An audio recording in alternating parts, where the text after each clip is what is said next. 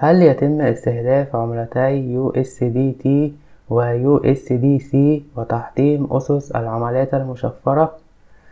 استمر نزيف عملة بيتكوين صباح اليوم الخميس لتتراجع بأكثر من عشرة في المية دون ستة وعشرين ألف دولار قبل أن تعود وتصحح إلى الأعلى مع العلم أن بيتكوين فقدت ثلث قيمتها في سبعة أيام يأتي ذلك مع استمرار انهيار ارتباط العملات المستقرة بالدولار.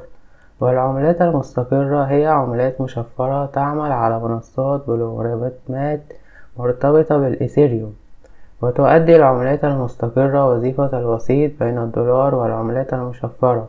وعند شراء المستثمر لعملات مشفرة يتوجب عليه تحويل الدولار في البداية إلى عملة مستقرة.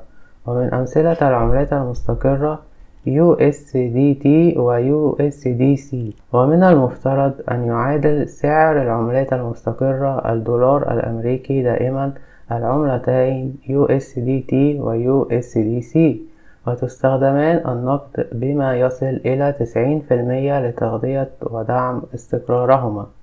وعملة USDT هي أول عملة لا مركزية تستخدم عملة لونا المشفرة كغطاء لدعم ارتباطها بالدولار.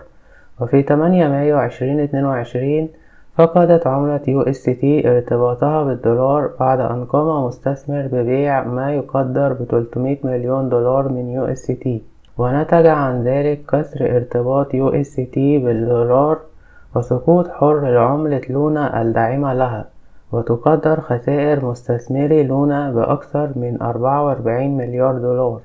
فهل يتم استهداف عملتي USDT و USDC وتحطيم أسس العملات المشفرة؟